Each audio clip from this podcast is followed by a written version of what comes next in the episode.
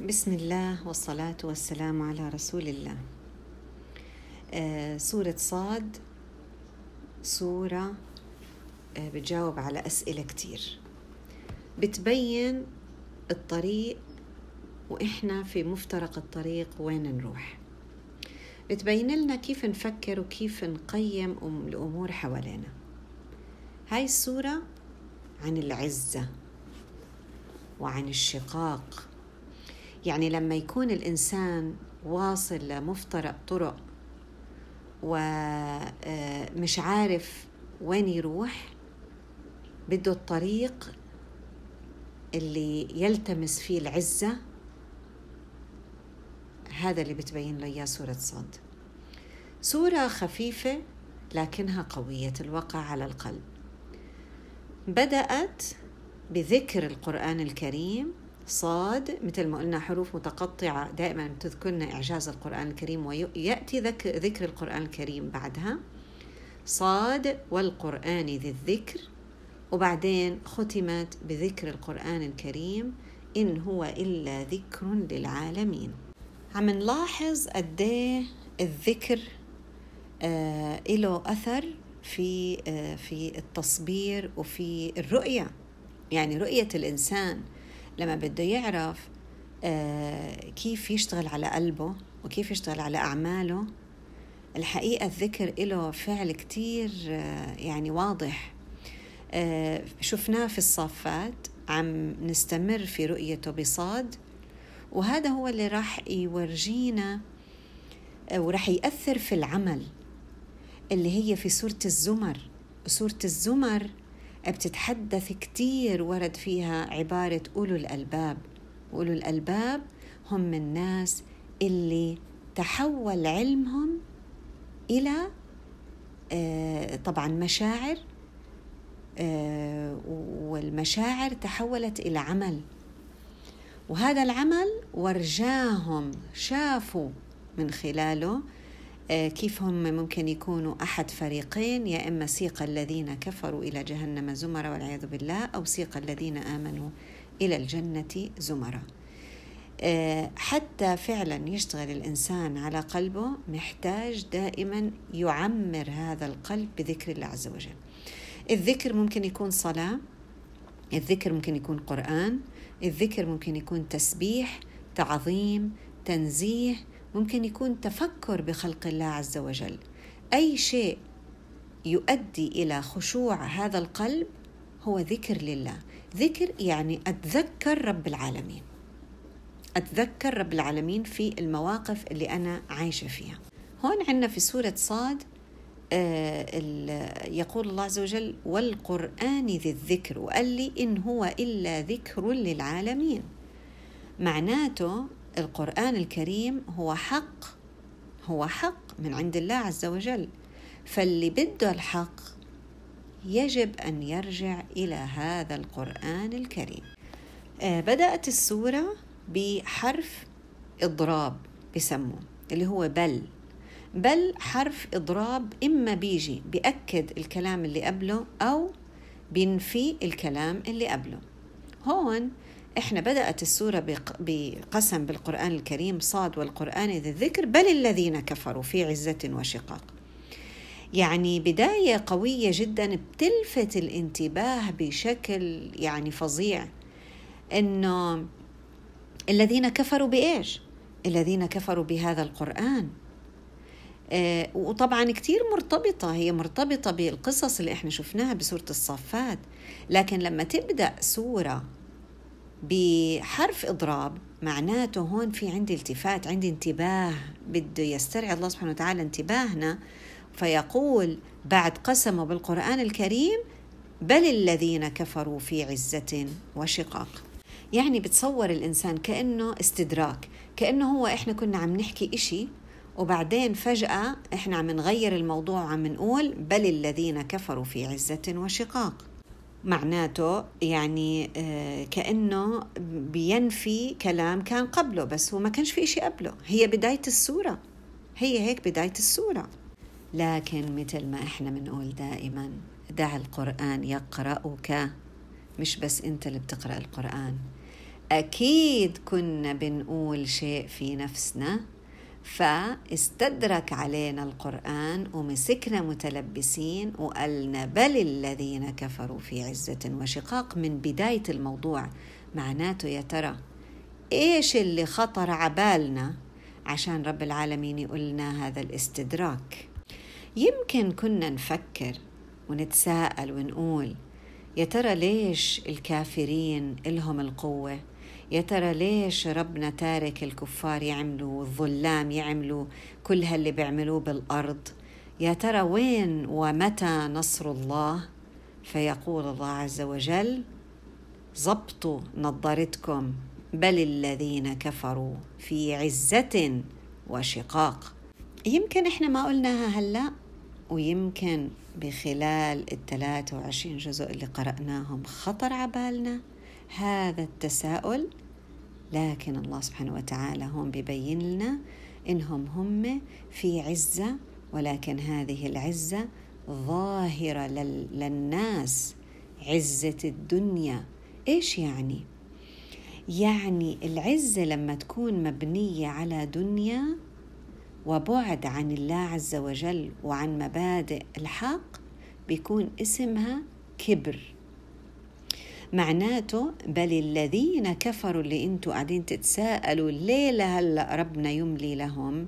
ليه لهلا قاعدين يعملوا اللي بدهم إياه في الدنيا؟ ما حدش موقفهم. ربنا بقول بل هم في كبر وشقاق. إيش يعني شقاق؟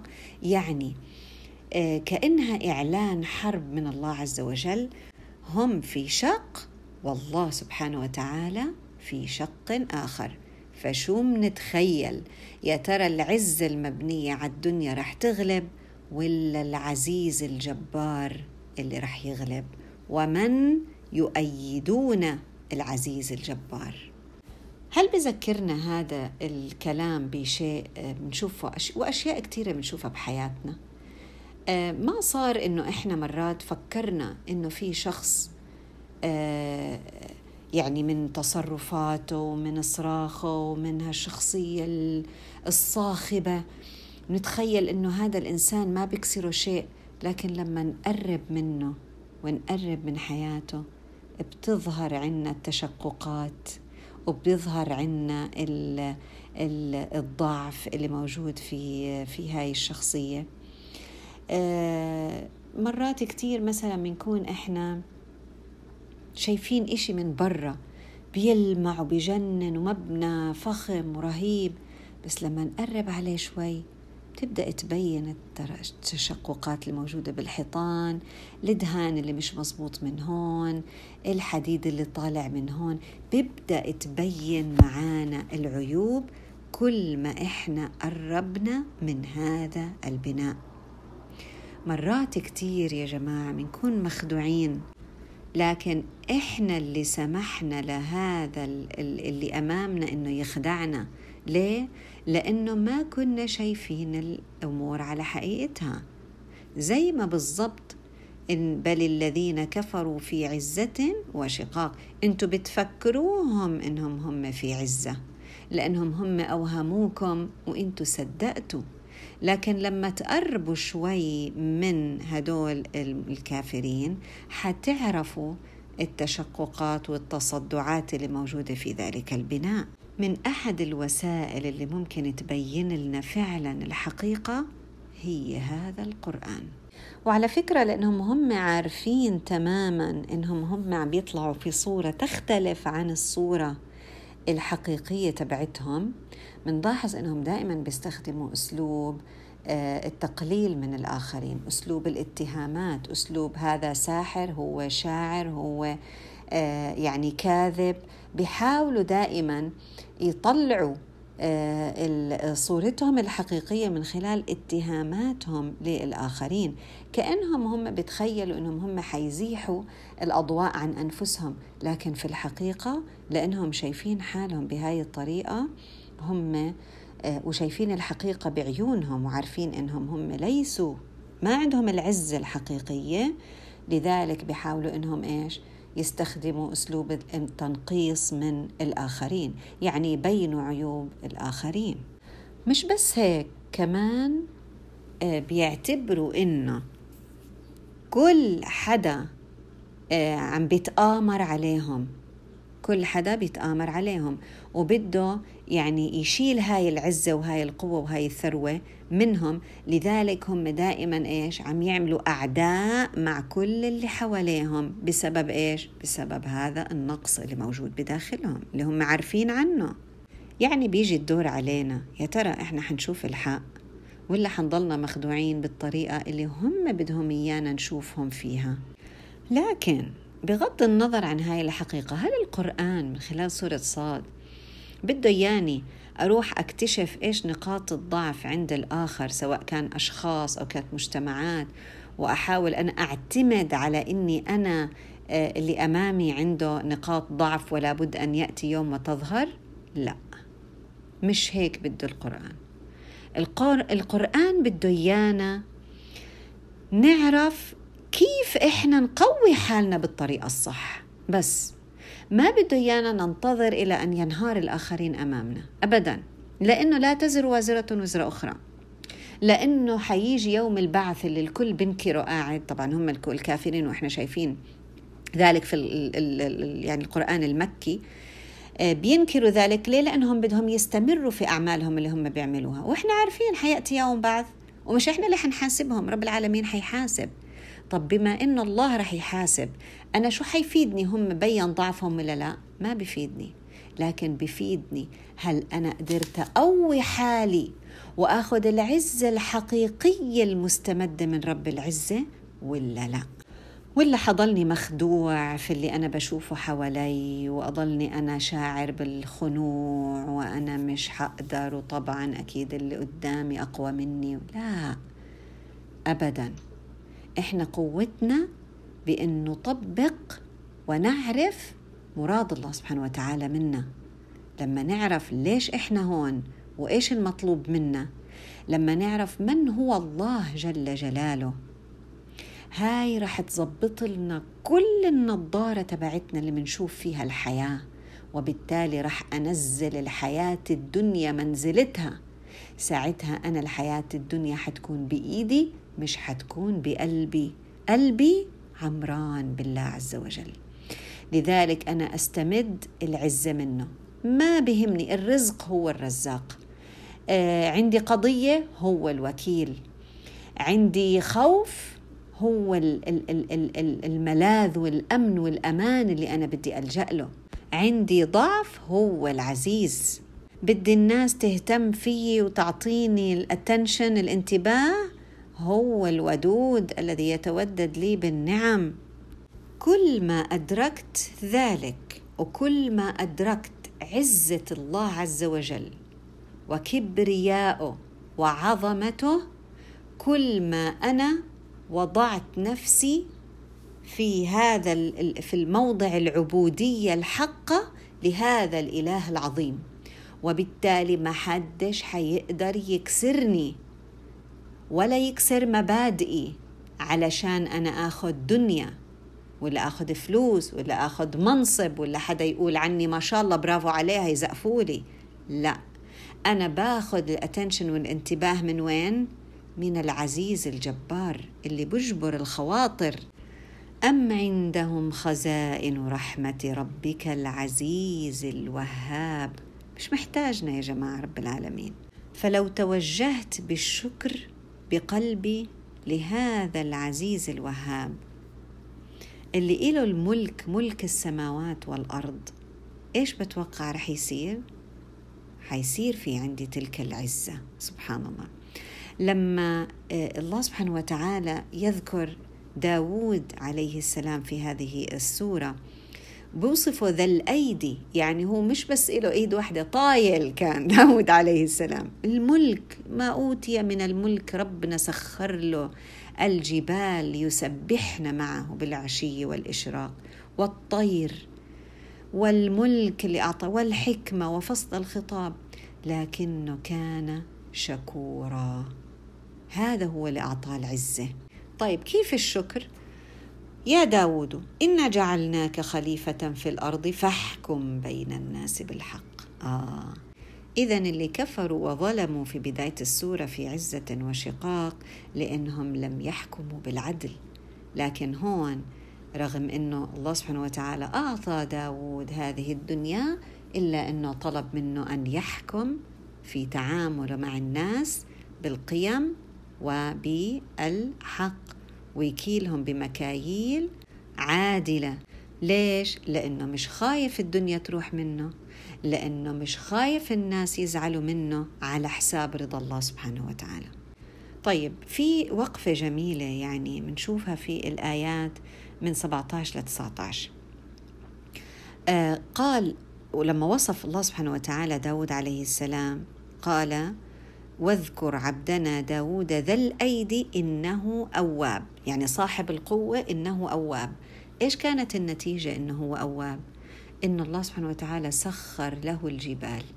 يسبحن معه بعدين وقال والطير محشورة كل له أواب. الله الله. إذا أنت يا عبد عليك تكون أواب لله وبعدين اترك الأمور لله. ربنا بسخر لك قلوب العباد والمخلوقات كلها. لتؤوب إليك. معنى هالحكي إنه هذا الإنسان الأواب يعني ما بيغلط؟ لا بيغلط. ومثل ما إحنا شفنا في قصة داود عليه السلام وبعد ذلك استغفر ربه وخر راكعا وأناب. يا سلام. فغفرنا له ذلك وإن له عندنا لزلفى وحسن مآب لأنه هو أصلا له مكانة عند الله عز وجل. وإله مرجع دائما برجع أواب. أواب يعني دائما بيرجع لله يؤوب إلى الله سبحانه وتعالى. نرجع نشوف الآيات اللي هي عشرين. ووهبنا لداود سليمان نعم العبد إنه أواب. برضو تتكرر الإنابة والعبادة الله سبحانه وتعالى والتواضع لله سبحانه وتعالى. هون العزة. العزة وين؟ في تواضع الشخص لله عز وجل. آه ممكن يغلط؟ آه أكيد بغلط. آه قال إني أحببت حب الخير عن ذكر ربي حتى توارت بالحجاب. وبعد ذلك قال إيش؟ قال رب اغفر لي وهب لي ملكا لا ينبغي لأحد من بعدي. إنك أنت الوهاب. يا أخي هذا واحد عارف ربه. هذا عارف ربه وعارف حاله. عارف إنه هو بيغلط وإنه في رب كريم وهاب عظيم يقبل التوبة غفور. ومهما أنت تتوب ومهما يصير في عندك ذنوب وإنت تبت خلص خلص. يعني تجرأ سليمان عليه السلام رغم إنه هو هلأ لسه عم بتوب يعني ما صار مثلا بآية تانية. مش بنفس الآية. قال رب اغفر لي وهب لي. ملك ملكا لا ينبغي لأحد من بعدي. يعني هذا لولا كان سليمان عليه السلام يعرف من هو الله. من هو الوهاب؟ لما طلب هذا الطلب. طب أحرى فينا إحنا لما نسمع ونشوف نشوف كيف غيرنا. آه ممكن يغلط. لكن الإنسان لازم يكون يعرف كيف يحكي مع نفسه ويعرف كيف يرجع ويتوب لربه ويعرف مين هو ربه. الرب اللي الإنسان حتى لو غلط يا جماعة بضله عزيز لأنه إحنا عارفين إنه إحنا بنغلط. لكن وين العزة؟ في الإنابة في التوبة إلى الله عز وجل والرجوع. مش هاي بتدل على ثقة بالله عز وجل؟ مش بتدل إنه سليمان عليه السلام آه عارف إن الله سيقبل. لأنه هو مؤمن إن الله لا يقول إلا الحق فلما لما تاب واستغفر هو على يقين كان إن الله سبحانه وتعالى سيغفر له فاتجرأ وطلب لأنه هو عارف ربه وتماما كما حدث مع داود عليه السلام والد سليمان حدث مع سليمان عليه السلام فسخرنا له الريح تجري بأمره رخاء حيث أصاب والشياطين. حتى الله سبحانه وتعالى بيوصف بيقول وإن له عندنا لزلفى وحسن مآب. آه يعني هو ما كان ملاك لا يخطئ لا هو كان يخطئ لكن كان يرجع. يا ترى إحنا بنهرب من الله وبنعمل حالنا مش عارفين إنه إحنا أخطأنا ومنعيش في الدينايل ولا إحنا الأفضل نواجه حالنا ونقول يا رب إني أستغفرك يا أخي أنا عملت غلط. نعم أنا غلطت أعترف بذنبي وأستغفر الله وأمشي وأمشي وأش وأستمتع بعطاء الله. ليه ربنا يحرمنا؟ ليش يحرمنا إذا إحنا بنستغفر؟ طالما إحنا بنستغفر الله سبحانه وتعالى سيضل يرزقنا من خير السماوات والأرض. هلأ هون بتيجي قصة أيوب عليه السلام. قصة أيوب عليه السلام فيها ذكر بس من نوع آخر. كان أيوب عليه السلام طبعا مبتلى. إحنا بنقول يا صبر أيوب كان مبتلى ابتلي بكثير أشياء. يعني آه، الناس ابتعدوا عنه المرض آه، ما ضل في شيء بيتحرك سليم إلا لسانه وقلبه. وكان يدعو الله عز وجل يقول يا رب بدك تاخذ من أولادي مرتي الناس الأموال كل شيء. لكن أبقي لي لساني اللي يذكر وقلبي يكون خاشع. وقعد سنين يقال 18 سنة أيوب عليه السلام في هذا الابتلاء إلى أن لسانه إيش؟ يلهج بتواضعا لله سبحانه وتعالى. آه، فالله آه، سبحانه وتعالى عوضه ووهب له أهله ومثلهم معهم. وكان يعني يقال إنه آه، يعني كان معه الشوالات هاي الدنيا السماء مطرت ذهب وفضة لأيوب عليه السلام ويجمع منها ويقول إيش؟ هذا فرحان فرحان برزق الله سبحانه وتعالى عليه. وصف الله سبحانه وتعالى فقال إنا وجدناه صابرا نعم العبد إنه أواب. الله. الله على الإنابة وعلى التوبة وعلى القرب من الله سبحانه وتعالى. شو بيعمل؟ إيش بيعمل؟ شكر وبيعمل صبر. ثم ذكر الله سبحانه وتعالى أسماء من الأنبياء إبراهيم وإسحاق ويعقوب و... و... واليسع وإسماعيل وذا الكفل. آه، يعني كلهم إيش وصفهم الله سبحانه وتعالى؟ آه، وصفهم أنهم كل من الأخيار وأنهم من المصطفين الأخيار. وبعد ذلك قال هذا ذكر.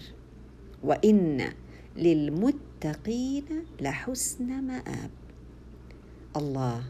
المتقين اللي دائما بتحروا. إيش برضيك يا رب؟ بعمله. إيش ما برضيك يا رب؟ إذا أنا عملته بستغفر وإذا أنا قدرت إني ما أقربش عليه ما بروحش هناك. هدول إيش إلهم؟ حسن لهم إيش؟ حسن مآب. يعني المرجع اللي رح يرجعوا بالنهاية يوم القيامة هذا المرجع الحسن. إيش هو؟ جنات عدن مفتحة لهم الأبواب. يعني كل هذا لإيش؟ لأنكم ليه ربنا أعطاكم هذا المرجع بالنهاية؟ لأنكم دائما بترجعوا له. هو مرجعيتكم. هاي يعني متقين. متقين يعني مرجعيتكم. ال reference point تبعتكم هي الله. وأوامر الله ونواهي الله. هاي هي. لذلك كانت رجعتكم أحلى رجعة اللي هي إيش؟ الجنة. بس بعد ذلك اجى وصف لمشهد النار اللي هم في البداية أصلا إحنا قلنا في بداية السورة قلنا إيش؟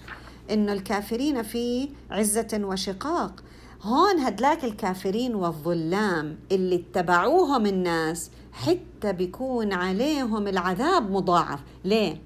اولا عزة من الله عز وجل ثانيا عزة الله تكون في عدله لأنه أنتوا أضليتوا البشر فإلكم العذاب الضعف. إحنا بنعرف نفس الشيء.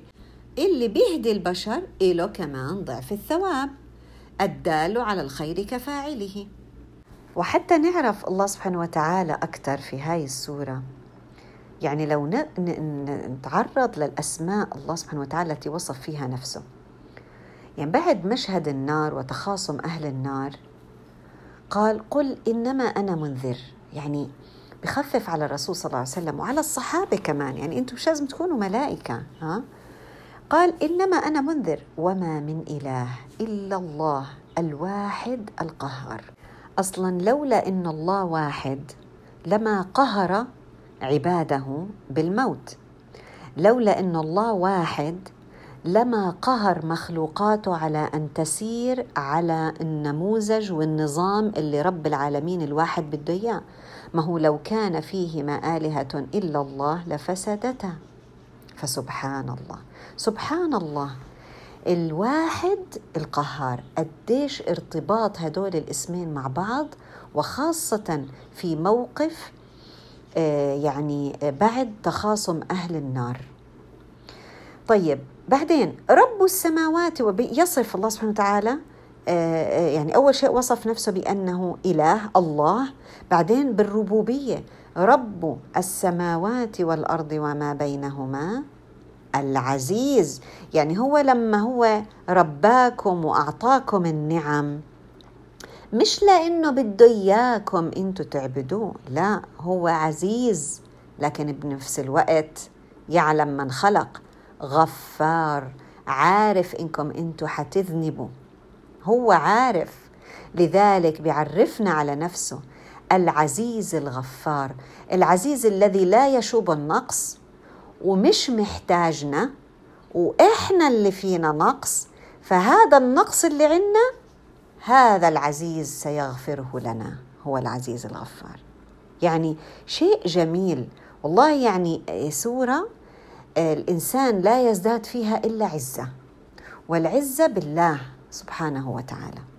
الرسالة لما أنتم تغلطوا يا بني آدمين ما تحسوا إنكم أنتم آه، يعني خلص صرتوا أنتم آه، خرجتوا كأنه إحنا خرجنا عن عبوديتنا لله عز وجل. لا. آه لما نحكي مع حالنا مش لازم نظلم أنفسنا ونجلد ذاتنا. لا إحنا لما نحكي مع أنفسنا بنحكي كمان بعزة إنه الله سبحانه وتعالى هو العزيز هو الغفار ويقبل التوبة منا. أنا بدي أتوب. المهم إني أمشي لقدام. المهم كلامي مع نفسي هذا يمشيني لقدام. مش يخليني أنا أشعر بالنقص وأشعر إني أنا آه، يعني آه، أنا ما بقدرش إني أنا أخذ قرارات صائبة وأضلني دائما ألوم نفسي وأتراجع يعني حتى تقديري لذاتي بترا لا هو أصلا المؤمن تقديره لذاته من وين بياخده؟ من الله الودود من الله الكريم من الله الخالق من الله الغفار من الله العزيز من هناك بياخذ عزته هذا الإنسان وبذكرنا الله بالمشهد الأول زي ما ذكرنا بآخر مشاهد قبل ما تغلق أبواب النار قال إذ قال ربك للملائكة إني خالق بشرا من طين. بشر مش خالق ملاك هو قال للملائكة. فإذا سويته ونفخت فيه من روحي فقعوا له ساجدين. فسجد الملائكة كلهم أجمعون إلا مين؟ إلا العدو اللي رح يجي ينط دائما ويحاول يخرب علينا هذه العلاقة بيننا وبين الله سبحانه وتعالى وبيننا وبين الملائكة. ليه؟ لأنه استكبر وكان من الكافرين. إذا هناك فرق بين التكبر وبين العزة الحقيقية. وهون المشهد العزيز آه، يضع هذا المتكبر في النار. لأنه هو شاف حاله قال أنا خلقتني من نار وخلقته من طين. كان مصيره بعد هذا التكبر اللي هو التكبر اللي ما له أساس من الصحة. آه قال فاخرج منها فإنك رجيم وإن عليك لعنتي إلى يوم الدين. بعدين بين المشهد من التكبر قال شوفوا كيف قال آه ربي ربي واعترف بالله عز وجل وربوبيته لأنه هو الخالق. أصلا هو قال خلقتني يعني هو عارف أن الله هو ربه وهو الخالق. فأنظرني إلى يوم يبعثون. قال فإنك من المنظرين إلى يوم الوقت المعلوم. بعدين شو قال له؟ شوف كمان شوفوا قديش وردت العزة بأشكال مختلفة في هذه السورة. قال فبعزتك فبعزتك. لأغوينهم أجمعين. إيش هالتكبر الفاضي الفالصو اللي موجود عند إبليس؟ هو عارف الفرق ما بين العزيز العزة عزة الله عز وجل والعزة المصطنعة اللي هي التكبر تبعه. فحلف بعزة الله. هو لو إنه أصلا بده يحلف كان كان هو يعني ليش يحلف بعزة الله عز وجل؟ لكن حلف بعزة الله أنه سيضل. طب ما هو العزيز اللي لو لو هذا العزيز لم يرد لإبليس أن يفعل ذلك لما فعله إبليس. لكن الله أراد له ذلك. ليش؟ علشان يملأ جهنم منه وممن تبعه منهم أجمعين. هذا هو هاي العزة. لكنه هو عرف هو عرف إبليس قال لأغوينهم أجمعين إلا عبادك منهم المخلصين. هدول ما حدا بيقدر يا هدول خط أحمر ما حدا بيقدر يوصلهم أبدا. اللي هم إيش؟ المخلصين. إيش مخلصين؟ المخلصين اللي هم اختاروا الله العزيز أن يكون ربا لهم. اللي لا ما بيعملوا عمل إلا لإرضاء لوجه الله عز وجل. هدول ما بيقدر عليهم لا إبليس ولا جند إبليس.